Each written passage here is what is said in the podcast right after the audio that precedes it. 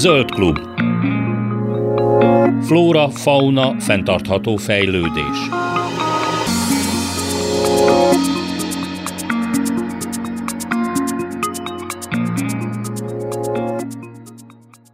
Jó napot kívánok, Laj Viktoriát hallják. A mai adásunk főszereplői a madarak lesznek. Elsőként a kékvércsékről fogunk beszélgetni, hiszen egy, egy magyar expedíció indul március 16-án Angólába, hogy műholdas iradókkal szereljenek fel 50 kékvércsét a világ legnépesebb ragadozó gyülekező helyén.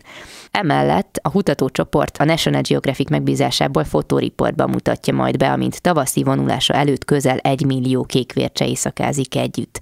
A világ legnagyobb ragadozó modern telelőhelyét 2019-ben fedezték fel, az évtizedekig polgárháború sújtotta afrikai országban, úgy, hogy Magyarországon műholdas jeladóval felszerelt, fokozottan védett kékvércsék jeleit követték a több ezer kilométeres téli vándorlásuk során. A Földön, ami ott van, az tulajdonképpen egy egyedülálló jelenség, ezért szeretnék egy 360 fokos videófelvételen és egy úti filmen is mindenki számára megmutatni ezt a csodát.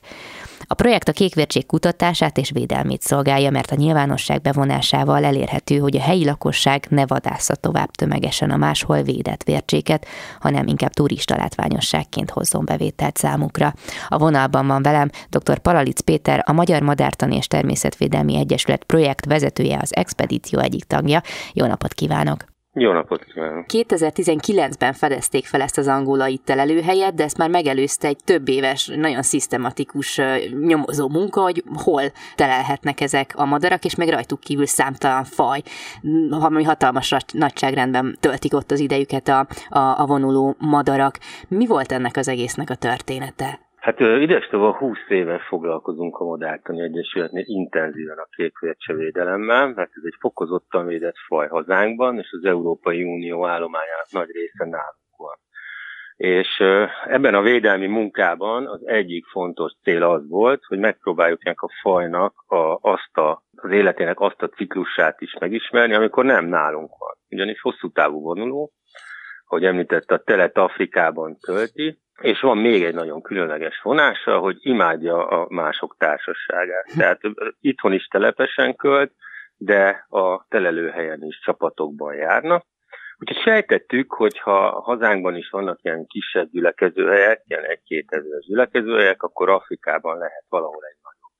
Elkezdtük műholdas jeladóval jelölni a madarakat, ilyen parányi 5 grammos kis jeladókat raktunk föl Magyarországon, Romániában, Kazaksztánban, elég sok helyen, és azt láttuk az adatokból, hogy van Angolában egy hely, ahol ezek a madarak jó eséllyel minden évben találkoznak. Ö, nyilván egy ilyen dolgot egy 25 év polgár, polgárháborúban lévő országba kideríteni, hogy ott van-e, nem nagyon járnak oda madarászok, közelmúlti kutatók sem jártak ott. És akkor 2019-ben végre találtunk egy megfelelő személyt, aki aki el tud minket ide vinni, és akkor négy kijutottunk Angolába, és hát egy olyan látvány tárult elénk, ami, amire senki nem számított, mert nem csak nagyon sok kékvércse volt, hanem talán az összes, a világ összes kékvércseje ott volt hm. egyetlen erdőfoldban. Azért maga ez az úgysem lehetett kifejezetten veszélytelen. Ha jól tudom, akkor itt azért egy taposóaknak a sűrített területen kellett haladni, feltérképezni ezt a részt. Igen, ezért tartott olyan sokáig a szervezés, uh-huh. mert nem tudtuk pontosan azon a helyen mi, vár, mi fogad majd minket, könyvekből meg nem nagyon lehet megtudni, ezért egy olyan személyt kellett találnunk, aki, aki képben van akna ügyben, uh-huh. és a, a mi guide az előtte 20 évig aknamentesítéssel uh-huh. foglalkozott Angolába, ban, úgyhogy vele aztán teljes biztonságban tudtunk közlekedni az országban. Uh-huh. Ez nyilván önöknek fantasztikus lehetett látni ezt az egészet, meg felfedezni, de vajon a helyiekben ez milyen nyomot hagyott, vagy hogyan érték ők ezt meg, ezt a, ennek a közelségét, ennek a csodának lényegében? Hát igazából helyeket olyan nagyon nem hatotta meg. Mm. Tehát az volt az érdekes, hogy két, két csoportra bomlottak a helyek, egyik uh, csoport az észre se vette, hm. hogy a feje fölött ezrével köröznek a madarak. Egyszerűen azért, mert nem néztek fölfelé. Az emberekre ez jellemző, hogy általában a környezetüket inkább egy vízintes síkon figyelik meg. Például a polgármester asszonynak mondtuk, hogy hát ezek azok a madarak, akik Európából jönnek. Hol, hol vannak itt madarak? És akkor ott 50 méterrel fölötte volt 250 kékvércse, ami azért egy feltűnő jelenség. A másik csoportja pedig a helyeknek, akik, akik pontosan tudják, hogy ott vannak a madarak, és, és meg is eszik őket. Nyilván ennek a, a mostani expedíciónak is valahol célja, gondolom az, hogy a, a szemléletformálás valahogy elkezdődjön, vagy ott nem tudom, hogy mennyire tudnak a, a kultúrába beleszólni, vagy ebbe a szokásba, hogy hogyan tekintenek ezekre a madarakra. Angola egy nagyon érdekes ország. Ugye a 25 év polgárháborúból ők egy olyan demokratikus, pozitív, együttműködő rendszert építettek, amikor ez abba maradt, hm. hogy tényleg az ember 180 fokot fordult hm. teljesen a világ Angola körül. Angolában is védett a kékvércse, és jelenleg az angolai természetvédelmi hivatal együtt dolgozunk azon, hogy uh-huh. hogy lehet egy ilyen nagyon komplex védelmi programot ö, a valóságban megcsinálni, hiszen ott a nemzeti parkok kijelölése még csirájában tart, a turizmus a említett okok miatt éppen Igen. csak kiépül, nem is nagyon találkoztak előttünk turistákkal azok a, a helyiek, akik, tehát ők, ők az egész problémát a gyökereitől most kell, hogy megértsék, és el kell fogadják azt, vagy reméljük el fogják uh-huh. fogadni azt, hogy mi segíteni szeretnénk azon, hogy ugyan tudjuk, hogy ez egy nagyon fontos fehérje forrás az év ezen uh-huh. szakában számukra, de hogy alternatívákat kínáljunk, mint például az ökoturizmus, mint bevételi forrás, vagy uh-huh. vigyünk oda még családokat, tehát hogy valami olyan módon hasznosítsák ezt a területet, ami számukra is jó, és a vércséknek is. Azért ez valami fantasztikus, hogy egy dél-afrikai országban egy magyar természetvédelmi egyesület alakítja ki lényegében, vagy, vagy segít kialakítani a, a helyi természetvédelmet. Igen, igazából az a Magyar Madár Egyesület tagja a BirdLife International uh-huh. nevezetű szervezetnek, aminek hát 200-nál is több tagja van a világon, és uh, tulajdonképpen megvannak a módszereink ezekre az együttműködésekre, bár tényleg nehéz elindítani egy ilyet, tehát jobb egy működő rendszerre uh-huh. elkezdeni együttműködni, de most nekünk nincs választásunk, Ugyanakkor megvan az úttörő szerepben lejlő, hát nem csak romantika, hanem hogy ilyenkor könnyebben csatlakoznak talán a, az emberek, és, és hajlandóak önkéntesként is bevállalni olyan dolgokat, amit egyébként nem tennének. Például velünk mhm. most négy olyan vizuális szakember jön, négy kutató mellett, akik teljesen mhm. önkéntesen vállalták azt, hogy, hogy filmet forgatnak erről az egészről, amit egy olyan kialakult rendszerben Magyarországon nehéz elképzelni, hogy valaki fél évet teljesen ingyen dolgozzon hmm. egy célért. De ők is érzik azt, hogy ez a cél, ez itt mindenkinek az áldozatvállalását megköveteli. És akkor itt fel is sorolnám az expedíció magyar tagjait, remélem akkor pontosan mondom, Borbát Péter, dr. Fehérvári Péter, Lehel Olivér, Novák László, ön, ugye Palalic Péter, dr. Pálfi Szabolcs, Solc Szabolcs és Tiller Ákos. Akkor mindenki, a, mindenki terepen lesz? Igen. Oh, szuper. Sőt, lesz még velünk két uh, angolai úriember is. Uh-huh. Igen, hát azért azt tudni kell, hogy egy ilyen uh, messzi helyen, ahol még az áramszolgáltatás is, uh, sporadikus, hogy úgy uh-huh. mondjam, uh, igen, sok és uh, komoly előkészület kell ahhoz, hogy, uh, hogy egy ilyen filmet le lehessen forgatni, úgyhogy azért is vagyunk ennyien, mert uh, szimultán kell tíz nap alatt valami olyat alkotnunk, amit utána levetítve, hazatérve, levetítve mindenki számára megpróbáljuk ezt a természeti mm. csodát átélhetővé Tulajdonképpen az, hogy ez a, ez a gyülekező hely tulajdonképpen a, a kékvércséknek a világállományát összpontosítja, vagy vonza egybe, ez igazából mi lehet ennek a, a vagy mi lehet mögött ön szerint, hogy ennyire különlegessé tegye valami ezt a, ezt a környezetet ezeknek a madaraknak, hogy mindenki ide akarjon menni? Hát erre sokféle magyarázat van. Tulajdonképpen ezért is érdekli annyira a kutatóintézeteket is. Nekünk van egy együttműködésünk egy német kutatóintézettel, a Max Planck uh-huh. Institúttal, akitől ezt az 50 darab jeladót is kaptuk, mert ennek többféle biológiai magyarázata lehet, és akár ezek mind is együtt is okozhatják. Tehát azt látjuk, amit ott a helyszínen tapasztalunk, hogy hatalmas termeszrajzások uh-huh. vannak ebben a régióban ilyenkor. És ezek a madarak ugye átkelnek az esőerdőn, majd szembeszélve átrepülik a sivatagot, és úgy érkeznek vissza Magyarországra. Egy fantasztikus és kimerítő útjuk van, és erre az útra fel kell készülniük, kell izomzatot növeszteniük uh-huh. és zsírtartalékot is, és azt gondoljuk, hogy ez a régió, ahogy vonul vissza az eső folyamatosan, ugye ilyenkor már Kalahári az kiszáradt, tehát uh-huh. a Bocvánában, Namibiában már nem nagyon van eső, de itt még ezen a Lunda hátságon, ami a Kongó medence és a Kalahári medence között terül el, itt még ebben az időszakban relatíve sok eső esik. Uh-huh. Ez azt jelenti, hogy itt egy második termeszrajzás is kialakult, tehát a, a, az őszi, novemberi, decemberi termeszrajzást követően, és ezért vonza ez az egész régió madarakat. Miért pont ez az egy hely? Annak meg lehet, hogy az lesz a magyarázata, hogy ezek a madarak csapatosan vonulnak. Tehát keresik egymás társaságát, ugyanis az időzítés, hogy átkelnek az esőerdőn, számukra egy nagyon kritikus túlélési faktor. Hm. Ugyanis, hogyha az esőerdő fölött éri őket egy hatalmas trópusi vihar, akkor le kell szállniuk az erdőbe, és láttuk ezt korábban műholdas éladós madaraknál, hogy aki az erdőben kényszerült éjszakázni, az nagyon kis eséllyel hm. élte túl. Valószínűleg kígyók, majmok, stb. az éjszaka során elég komoly ellenfelekkel találkoznak, predátorokkal találkoznak. Hát mi azt gondoljuk, hogy ez a, ez a két faktor együttesen, tehát a fajnak ez a biológiai sajátossága, ez a csapatos vonulás és az agregációra való hajlam, valamint az, hogy itt nagyon jó környezeti feltételek vannak ebben az időszakban.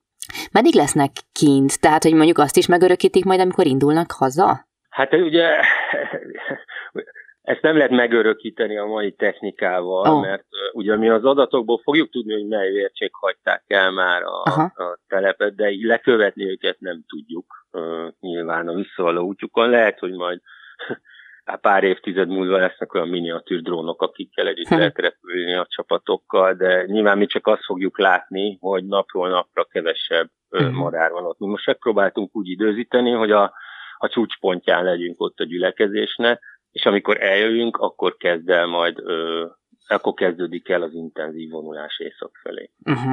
Ugye ezt mondja, hogy csap, csapatosan repülnek, de ezt most elnézést a laikus kérdéseket, csak hogy úgy kell elképzelni, hogy mondjuk akik Magyarországra térnek vissza, vagy ebbe a régióba, ők egy csapatot alkotnak, vagy ez is feloszlik többre akár?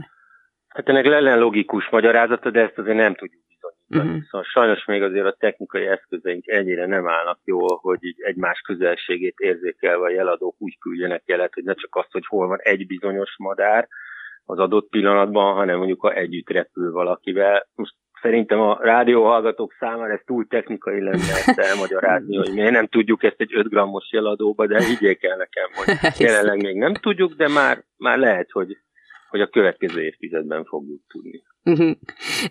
Mégis mennyi ez a, mennyi kilométert kell átszállniuk, mondjuk akkor, ha Magyarország-Angola viszonylatot nézzük? Hát 8500 kilométerre van Magyarországtól légvonalban ez a uh-huh. gyülekező hely, ami, ami persze természetesen, ahogy a madarak repülnek, jóval több.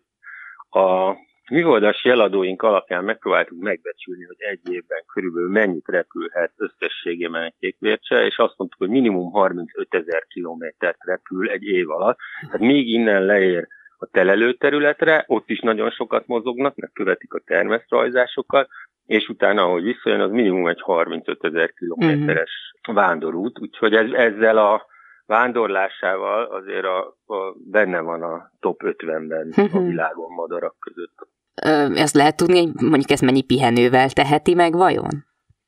Hát az a legérdekesebb, hogy lefelé menet, amikor déli irányba vonulnak innen tényleg szeptember végén a madarak, akkor az észak-keleti passzát segítik őket. Uh-huh. Tehát a, az égei tenger fölött, meg a sivatag fölött nagyon gyakori az észak-keleti áramlás, és igen erős észak-keleti áramlások vannak, tehát hogyha a madarak felfekszenek rá, hm. akkor átlagosan legalább 30 km per órával akkor is haladnak, hogyha nem használják a szárnyaikat a repülésre. Ha még ráadásul használják is, akkor ilyen 50 km per órás, meg 70 km per órás átlagokat is el tudnak olykor érni.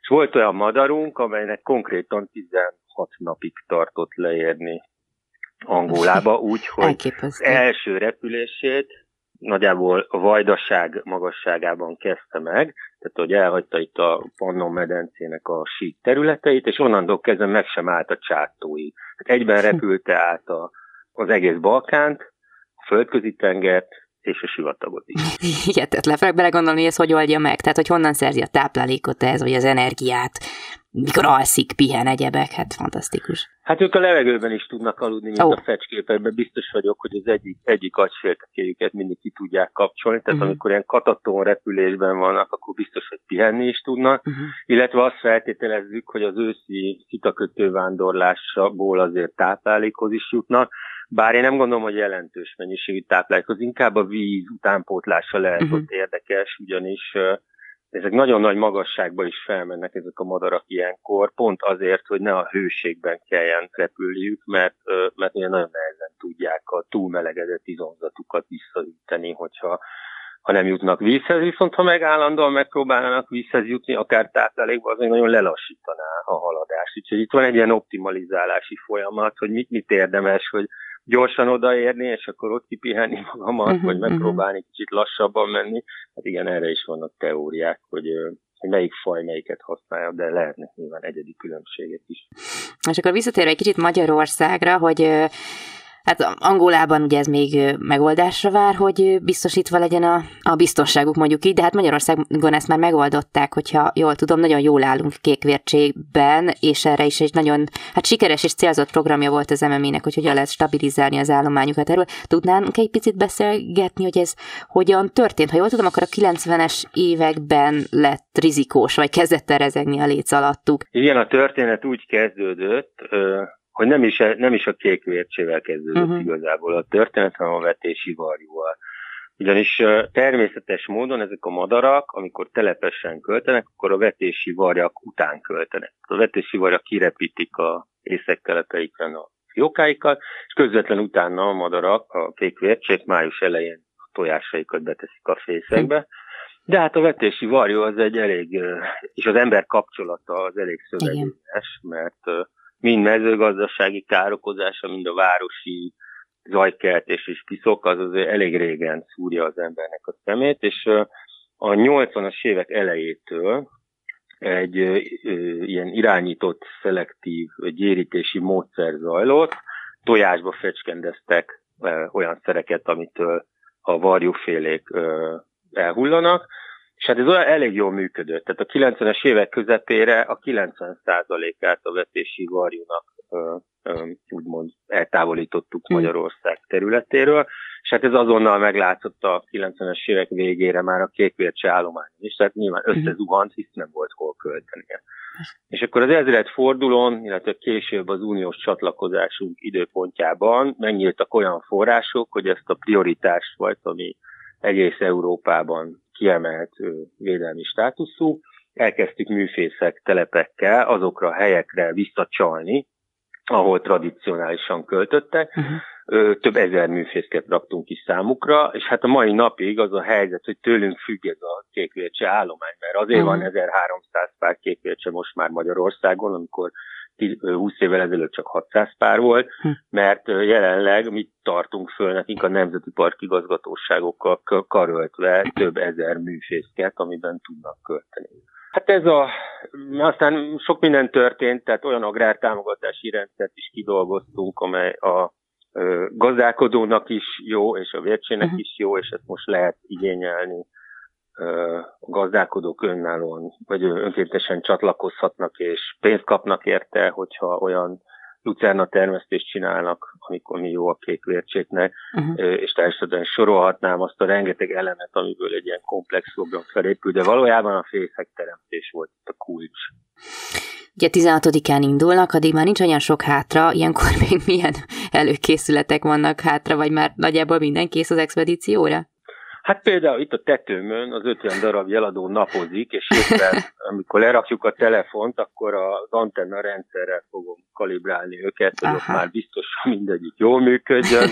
Meg ilyenkor kétszer annyit tölt még gyorsan a családjával az ember, hogy utána a, a három hétben annyira ne hiányozzon, és természetesen azért még ilyen egyszerű és az utazáshoz szükséges alapdolgok, hogy a malária gyógyszerbeszerzése, mm-hmm. ilyenek zajlanak, de már ráfordultunk ilyen a kis futópályára fejben legalábbis. Fantasztikus. Akkor én vissza is engedem a jeladókhoz, és nagyon jó utat kívánok önöknek, és nagyon szépen köszönöm dr. Paralic Péternek, az MME projektvezetőjének a beszélgetést. Én is köszönöm, és hogyha valakit érdekel, akkor a Falko projektnek a Facebook oldalán, meg a a honlapján fogunk tudni élő bejelentkezéseket is valószínűleg csinálni, úgyhogy próbáljuk majd azért a hazai közönséget informálni, hogy mi történik ott. Szuper, ezt hogy meg is osztjuk akkor. Köszönöm szépen. Köszönöm, köszönöm szépen. Szép napot.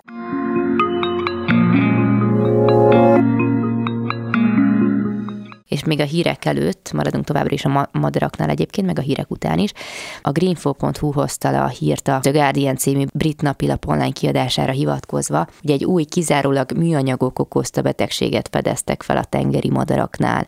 A Londoni Természettudományi Múzeum tudósai szerint a plastikózisnak nevezett betegségben szenvedő madarak emésztőrendszere a hulladék lenyelése miatt elhegesedett. A kutatók rámutattak, ez az első feljegyzett példa kifejezetten műanyagok okozta fibrózisra vadon élő állatoknál. A tanulmány szerint a műanyag szennyezés olyannyira elterjedt, hogy a hegesedés különféle korú madaraknál széles körben dokumentálható. A betegséget egészen fiatal madaraknál is kimutatták. A tudósok úgy gondolják, hogy ezeket a fiókákat a szülők a táplálék közé keveredett műanyaggal etethették. A kutatók az ausztráliai Lord Howe szigetről származó barna vészmadarakon tanulmányozták a lenyelt műanyag mennyisége és a gyomor első részének állapota közötti kapcsolatot. Megállapították, hogy minél több műanyagot nyelt le egy madár, annál több heg keletkezett az emésztőrendszerében az apró műanyag darabok begyulladhatnak, a tartós gyulladás következtében pedig a szövetek hegesedhetnek és eltorzulhatnak. A betegség a gyomor első részében található csöves mirigyek fokozatos leépüléséhez vezethet. A károsodás miatt a madarak sebezhetőbbé válhatnak a fertőzésekkel és parazitákkal szemben. Nehezebbé válhat a táplálék megemésztése és a vitaminok felszívódása, megállhat a növekedés, illetve el is pusztulhat az állat. A tudósok megfigyelték, hogy a madarak gyomrában talált természetes anyagok, mint például a habkő, nem okoztak hasonló problémákat. Bár a szakértők csak egy madárfajt vizsgáltak a világ egy adott részén, valószínűnek tartják, hogy több faj is érintett lehet. Mivel a műanyag szennyezés csak az elmúlt évtizedekben jelent meg problémaként, eddig nem vizsgálták széles körben hatásait. Most pedig hírek következnek, aztán folytatjuk a műsort, mégpedig a Magyar Madártani és Természetvédelmi Egyesület téli Madárles című lakossági felmérésének az eredményeivel. Üdvözlöm újra a hallgatókat, Laj Viktória vagyok, és lezárult a Magyar Madártani és Természetvédelmi Egyesület téli madárles című 9 héten át tartó országos madárszámlálása. A számlálás 2022. december 28 és 23. február 28-a között zajlott. Az akció célja a lakosság bevonása a környezetünkben élő madarak megfigyelésébe, a védelmüket is segítő Citizen Science jellegű adatgyűjtésbe. Lovászi Péter a vendégem a telefonban az MME monitoring és kutatási osztályvezetője. Jó napot kívánok! Jó napot kívánok! Ez a felmérés igazából miben különbözik bármilyen más ma- madárszámlálástól, felméréstől, amit az MME végez alapjáraton?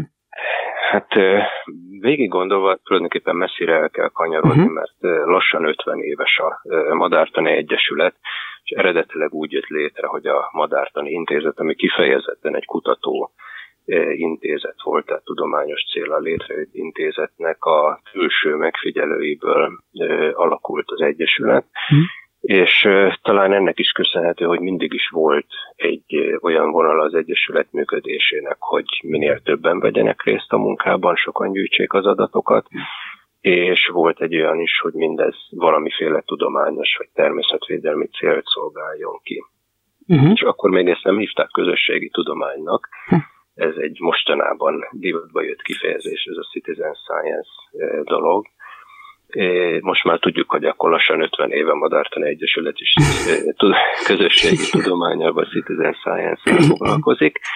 Azért korábban azok a programok, amiket a Madártani Egyesület szervezett, futtatott, főleg a azért egy olyan közönségnek szóltak, akik elég alaposan ismerték a madarakat, tehát tudták, hogy mondjuk a Duna vagy a Tisza árterében hol kell megkeresni a fekete gólya vagy a barna kánya fészkét, vagy el tudták különíteni egymástól egy gyűrűző táborban a cserregő, meg a foltos, meg a e, ilyen-olyan nádiboszátákat. Viszont ilyen program, ami kifejezetten egy olyan dolog volt, hogy bárki, akár otthonról, akár tényleg az ablak előtt a, otthon a fotelben ülve tudja madarakat számolni, egy olyan rendszerben, ami utána összegyűjti az adatokat, és hosszú távon érdekes információkkal is szolgálhat a tudománynak, ilyen még Magyarországon nem volt. Bár ebben laikusok vettek részt, azért feltételezi azt, hogy kell ehhez fajta, egyfajta kibicnek lenni, hogy mondjuk meg tudja különböztetni egy mezei verebet egy házi veréptől, mert veréb az még megvan, de azért mondjuk az elkülönítés az lehet, hogy nem mindenki számára megy. A program úgy született meg, hogy lehetőség szerint minél egyszerűbb legyen, ezért volt az, hogy 30 percig kellett ülni és a madarakat figyelni, és aki vállalta azt, és egyébként a részevőknek a túlnyomó hányada az vállalta, hogy egy telefonos alkalmazást letöltötte, amit a Madártani Egyesület csinált ehhez a programhoz, uh-huh ők kis kártyákon segítséget kaptak, tehát a madárnak az ábrája rajta volt, eleve úgy lehetett a, a megfigyeléseket fölvenni, hogy rámbögött az ember arra a kis képre, amin a szénszínege, vagy a mezeiveréb, uh-huh. vagy éppen pár gyakori madár szerepelt, és ismertetőjelek is voltak, hogy mit kell figyelni a fején, vegyén a madárnak. Tehát ez szerintem egy eleve nagy könnyebbséget jelentett a résztvevőknek, meg ezeknek a programoknak azért van egy olyan aspektusa is, hogy akár néhány fajnak az ismeretével is már hasznos információkat lehet nyújtani Madártani Egyesületnek, illetve későbbiekben majd reméljük a természetvédelemnek. Mert ugye ezt említette, hogy tulajdonképpen az MMA is egy ilyen, vagy ilyen citizen science-re támaszkodott az alapítása óta, de hogy nyilván nagyon sok szakember foglalkozik az önök szervezeteiben a madarakkal és egyéb állatokkal, de hogy még mindig tud ezek szerint segítséget nyújtani egy lakossági felmérés, tehát hogy ennek gondolom alapvetően két szála van, az egyik a természet iránti elköteleződésünknek az erősítése lehet, a másik pedig valahol a tudományba való beépítése de akkor melyik nyom nagyobbat ön szerint alatba?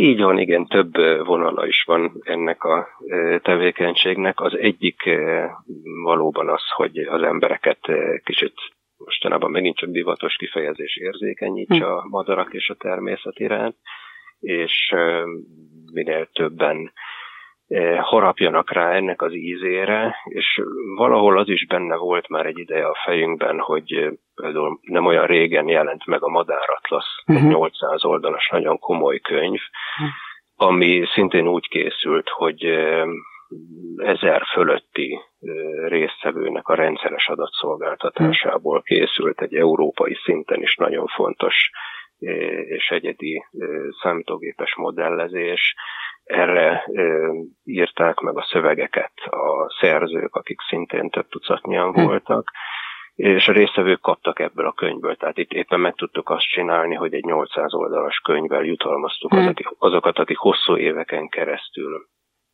részt vettek ebben a programban. Hm.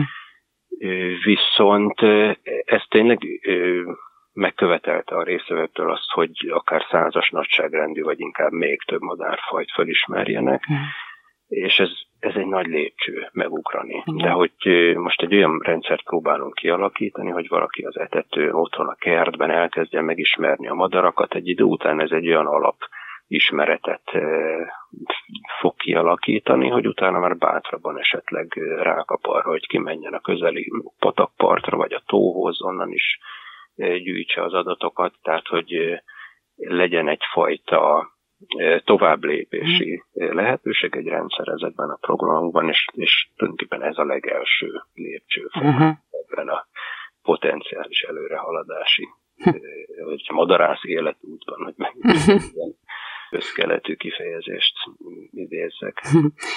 Ugye itthon ez volt az első, ha minden igaz, ilyen akció, ami a téli madáretetőt és a környékét célzó adatgyűjtés volt a lakosság részéről december 28 és idén február 28 között zajlott. Milyen volt a részvétel, illetve milyen eredményekre, eredményeket kaptak? A részvétel azt hiszem, hogy szép volt, mert több százan, sőt közel ezres nagyságrendben vettek részt benne emberek, nagyon sokan olyanok, akik eddig nem voltak egyébként uh-huh. a Madártani Egyesület megfigyelői hálózatának a tagjai, uh-huh. és ennek nagyon örülünk, hogy ilyen szempontból beindult egy ilyen teljesen újfajta dolog, hm. és nagyon reméljük, hogy a, a tavasszal induló következő tavaszi természetesen már nem csak madarakról fog szólni, az még több résztvevőt tud majd bevonzani, illetve a gólyák vagy a fecskék uh-huh. felmérése is most készül a, az Egyesület, hogy be tudjon vonni minél több embert. Ugye közel ezer megfigyelő vett részt a, az adatközlésben, és több száz településről érkezett be adat az ország egészét lefedik. Nyilván a legtöbben Budapesten voltak, akik részt vettek ebben a programban, hm. de egyébként gyakorlatilag tényleg minden megyéből és nagyon sok városból érkezett adat.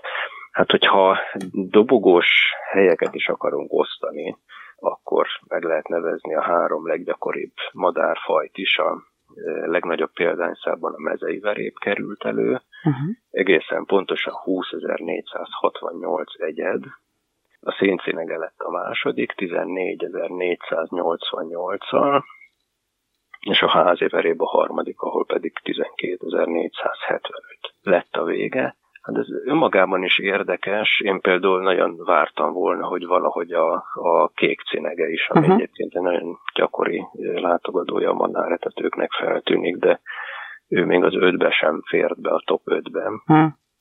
Úgyhogy ez lehet, hogy egyszerűen azért volt, mert egy viszonylag enyhe telünk volt, és ezek a madarak vagy a nádasokban maradtak, vagy egyszerűen a költőterületükön, és nem húzódtak le a Kárpát-medencéig. Uh-huh. És ezért nem találkoztattunk velük annyit az etetőkön az idén télen. Ugyanúgy viszonylag uh-huh. kevés zöldike volt például, vagy tengelic, uh-huh. vagy csíz, amik éjszakról meg szoktak érkezni. Tehát most ugye a saját madaraink maradtak itt. Uh-huh. Vagy ami például érdekes, hogy ugye a házi veréb fele annyi volt, mint a mezei veréb, pedig ugye a házi verébre gondolná az ember azt, hogy egy közönséges faj. Uh-huh. Ugye szokták emlegetni, hogy a lóvontatásnak a megszűnése az egy csapás volt a házi verebek számára. Uh-huh. Valamikor a ugye 10-20-as években, mármint az 1900-as évek első felében, utána az is, amikor nagyon sok épületet felújítottak, modernizáltak, nem tudtak már költő üreget találni a, a, az épületekbe, sokszor éppen azért, mert a madarak bejutását megakadályozó rendszerek is bekerültek a tetőszerkezeti rendszerekbe illetve hozzájárult ahhoz, hogy most már egyre többen használnak a városokban, a kertekben is például vegyszereket, rovarírtószereket. Tehát ez mind a táplálkozó lehetőségeit, illetve a a köptési lehetőségét rontotta a házi verébnek. Valahogy a hm. mezei veréb az, az egy picit jobban viselte ezeket a dolgokat, most éppen belőle van egy picit több, mint a házi verébből. Ilyen szempontból egy picit visszatérnék arra a kérdésre, hogy miért érdekes még most is hm. madaras adatokat gyűjteni. Hát pont azért, mert nagyon-nagyon-nagyon változik a világunk mi is érezzük ezt nagyon sokféle szempontból. Ugye az egyik kézzel fogható most ugye a klíma, az időjárásnak a változása, és a madarak ezt nagyon hatványozottabban érzik, mint mi. És ezeket a, a madárvilágban tapasztalt változásokat egyfajta ilyen hőmérőzésként is tekinthetjük, hogy milyen a környezetünknek az állapota. Az érdekes egyébként, hogy Budapest volt a legaktívabb ebben a témában, de hogy pont az jutott eszembe, hogy ez igazából a, a kertvárosi részekre vonatkozik, vagy agglomeráció, ami még aktív lehet, mert pont arra gondolnék, hogy ahol ugye nagyobb a zöld felület, vagy több a természetes élőhely, ott esetleg gyakrabban találkozik az ember madár vendégekkel. Két élő ez a dolog, mert nagyon sokszor meg éppen azt látom, hogy akik belvárosban élnek, azok jobban hiányolják maguk körül a, a, az életet, a, a természetet, és esetleg érzékenyebben figyelnek rá, vagy kimennek kutyasétáltatás közben egy parkban a madáretetőnek a madarait is összeírják. Tehát ilyen szempontból nagyon sokszor talán a kis településeknek, kis településeken élőknek nem akkora hmm hogy is mondjam, érték talán a mm. szemükbe, vagy nem akkor a különlegesség egy, egy veréb vagy cinke, mert minden nap ott vannak velük ezek a madarak, vagy a fekete rigók, vagy a zöldikék. hm. ők nem éreznek esetleg akkora késztetést egy ilyen programmal való részvételre. Tehát lehet, hogy ezért is van a budapesti túlsúly. Uh-huh. Nyilván azért is lehet, mert ugye Magyarország lakosságának egy jelentős része, majdnem az ötöde az ott lakik. Ennyire alaposan még nem néztük át az adatokat, tehát így első eredményekről tudunk most uh-huh. beszámolni. Ragadozó madarakat is jelentettek egyébként? Ragadozó madarak is igen elő szoktak fordulni, sőt maga az applikáció gyűjti az adatokat arról is, hogyha valamilyen madarak között interakció van, tehát hm. elzavarja egymást az etetőről, hm. két fajnak az egyede, vagy fajon belül történik egy elzavarás, vagy mondjuk egy akár macska, kutya, vagy, vagy ragadozó madár intéz valamiféle támadást, vagy riasztást egy másik faj felé. Hm. A karvaj ez egy meglehetősen gyakori vendég a téli városokban. Ezt úgy kell érteni a gyakorit, hogy minden városban ott van megtelepülésen egy-egy, vagy egy-kettő, vagy néhány, tehát hmm. nem azt jelenti, hogy tucat szám ülnek a platánfákon és várják a verebeket, de, de rendszeresen meg lehet figyelni. Például a karvajta, mint a, akár az etető körül ólálkodik, és ott a cinkékből vagy a verebekből próbálja óvatlanabbakat megfogni. Hm. Én kertvárosban lakom, és mindig várom, hogy egyszer csak érkezzen valami ragadozó madár, de hát a kertben élő többi madár szerencsére ez nem szokott bekövetkezni túl mhm. sűrűn. nem ki tudja. Nagyon ügyesek egyébként, és nagyon nehéz észrevenni őket, nagyon sokszor uh-huh. egészen laposan, alacsonyan majd, hogy nem súnyagban érkeznek, és sokszor inkább csak arra figyel fel az ember, hogy ilyen nagyon magas, éles sipító hangot uh-huh. hallatnak például a cinkék, rövidet, hogy ne lehessen azonosítani a hangmagasság, meg a, uh-huh. a, a rövid hangadás alapján, hogy merre vannak, csak azt lehet látni, hogy egy pillanatra így legyermed minden, uh-huh. nem mozdulnak a, a verebek, is elcsendesednek, és akkor így átvitorlázik, átvillan valahol a karva így a az udvaron, és akkor érdemes figyelni másnak uh-huh. ugyanabban az időpontban, mert nagyon sokszor hasonló időpontban jönnek ezek a madarak napra. Egyébként ugye szokás mondani, vagy beszélni arról, hogy hogyan vonzhatjuk be ezeket a, az élőlényeket akár a területünkre, a kertünkbe. Ez ragadozó madarakra igaz lehet, hogy valahogyan tudjuk aktivizálni a jelenlétüket? Nehezebb, mint mondjuk egy bogyós élősövényel a, a rigókat vagy a téli madarakat oda csalogatni, vagy egy jól kihelyezett madáradóval az adóköltő madarakat talán a legkönnyebb így becsalni. Mhm. Ahol van elég táplálékot, előbb-utóbb megjelennek a, ezek a ragadozó fajok is. Itt talán az egyik kérdés, hogy mi az a faj, ami egyáltalán megszokta az ember közel, uh-huh. közelségét, és meg fog jelenni a kertekben. Uh-huh. Egyre inkább lehet találkozni karvajjal, héjával, településeken, települések szélén, egerészőivel, vagy az autóutak mentén. Tehát valószínűleg előbb-utóbb a madarak is meg fogják tanulni, hogy melyik az az életszituáció, amikor vigyázni kell az emberrel, és mi az, ami, amikor érdemes esetleg a közelébe menni. Hm. Például vannak olyan karvajok állítólag, akik megtanulják, hogy figyelik, hogy jön a vonat, és akkor vonat erő kiugró verebek közé. Oh csapnak be, mert akkor másra figyelnek a verebek. Hm, nagyon érdekesek. Uh-huh. Beszéltünk már ugye, a, vagy említette a fecskeles, kójales programokat, amik még váratnak magukra, és ez az egész, ha minden igaz, ez egy új programnak a, része, meg a téli modelles, és ez a Természetlesen nevű MMS projekt, akkor itt lényegében folyamatosan indítanak az év során különböző lakossági megfigyeléseket? Igen, itt több programot is indítunk. Az első volt a téli madárles madáretetőknél, tavasszal már várjuk a, a gólyákat, tehát hamarosan a, ebben a Turdus nevű telefonos alkalmazásban elérhető lesz a gólyafészeknek a felmérése. Uh-huh. Tulajdonképpen nem új ez a dolog sem, mert 2005 óta már ö, létezik a Madártani Egyesületnek egy gólyás adatbázisa, csak most uh-huh. telefonra is költözik ennek a adatgyűjtési lehetősége, utána fecske, illetve egy tavaszi természetes. Uh-huh. Tavaszi természetesben már nem csak madaraknak az adatait fogjuk várni, hanem majd lesz benne például egy néhány lepkefaj, vagy kétéltőek, hüllők, emlősök is, hogy ott egy picit uh-huh. színesedik a paletta az adatgyűjtés lehetőségeit illetően. Na majd akkor ezeket figyeljük, és akkor megosztjuk, hogy hova lehet éppen csatlakozni, és uh, szerintem én valószínűleg csatlakozni fog valamihez, valamelyik programjukhoz. előre én pedig önnek köszönöm a beszélgetést. Lovászi Péter az MMM, MMM Monitoring és Kutatási Osztályvezetője volt a vendégünk. Köszönöm szépen, és további jó munkát kívánok. Én is köszönöm a lehetőséget.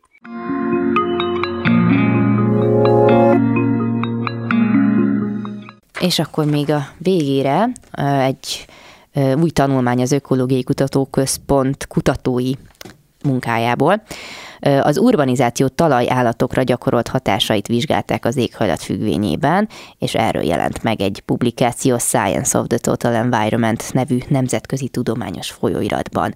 Az Ökológiai Kutatóközpont, a Magyar Agrár és Élettudományi Egyetem és a Dániai Árhusz Egyetem munkatársai a meta-analízis statisztikai módszerének segítségével 103 urbanizációs tanulmányt elemeztek a világ minden tájáról a városiasodás talajfaunára gyakorolt hatásának megértése céljából. A kutatók az éghajlati viszonyok függvényében vizsgálták a talajállatok fajgazdagságának változását és az egyetszámok alakulását.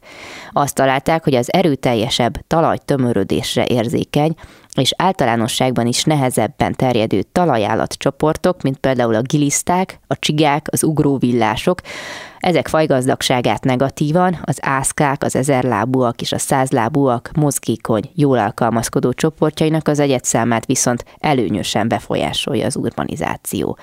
A talajállatok egyet számára általánosságban szárazabb éghajlaton a sok locsolás következtében kedvezően hat a városiasodás, nedves éghajlaton ugyanakkor az intenzívebb párolgás és a gyorsabban elfolyó csapadék miatt kialakuló szárazabb városi környezet csökkenti az egyetszámokat. Egy gram talajban akár 10 milliárd mikróba is élhet, egy maroknyiban pedig több ezer szabadon élő, vagyis nem parazita életmódú fonálféreg bújhat meg.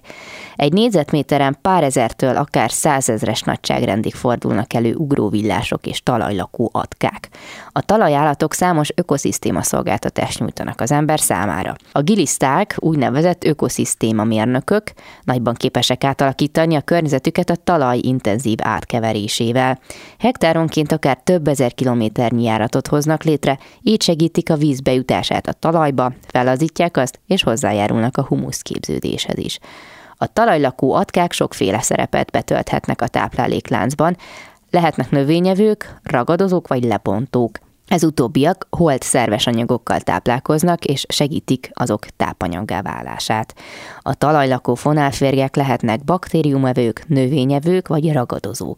A lebontó ugróvillások a talajlakó baktériumokat és gombákat szabályozzák, illetve mohák beporzását is végzik. A csigák, az ászkák és az ezerlábúak is a lebontók közé tartoznak, a százlábúak viszont kizárólag ragadozók, míg a futó bogarak között előfordulnak a gyomok terjedését szabályozó növényevők, vegyes táplálkozásúak és a biológiai védekezésben segítő ragadozók is. A kutatók megállapították, hogy a giliszták, a csigák és az ugróvillások fajgazdagsága a külvárosi és vidéki területekhez képest a városokban, ahol több a lefedett terület és kevesebb a természetes zöld felület, lecsökkent.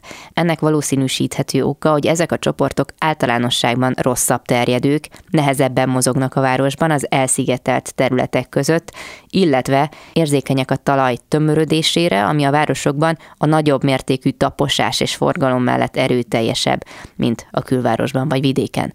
Az egyetszámok esetében azt találták, hogy a városiasodás az ászkák, az ezerlábúak és a százlábúak csoportjának kedvezett. Ezek mozgékony csoportok, táplálkozásukat tekintve pedig nem válogatósak, könnyen boldogulnak a városi környezetben. Az éghajlati viszonyokat is számításba véve azonban kiderült, hogy a fenti megállapítás csak akkor igaz az egyetszámokra, ha a vizsgált városban alacsonyabb az éves csapadékmennyiség, míg nedves éghajlaton az urbanizáció hatása csökkenti az egyetszámokat. Ennek oka valószínűleg az, hogy szárazabb éghajlaton a, vá- a városokban locsolással tartják fenn a növényzetet, ami kedvez a talajállatok felszaporodásának, míg nedves éghajlaton Az aszfalt és a beton miatt intenzívebb párolgás és a gyorsabban elfolyó csapadék következtében szárazabb a környezet, ami kedvezőtlen a talajállatoknak. A kutatók emiatt azt javasolják, hogy a városi zöld területeket lehetőleg úgy kezeljék, hogy azok a várost körülvevő természetes környezethez hasonlóak legyenek, ahelyett, hogy túllocsolással vagy túl sok lefedett területtel idegen környezetet teremtenének a talajfaunának. Ezzel pedig a műsor végéhez értünk, én megköszönöm az egész órás figyelmüket, és további kellemes rádióalgatást kívánok, Laj Viktoriát hallották viszont hallásra.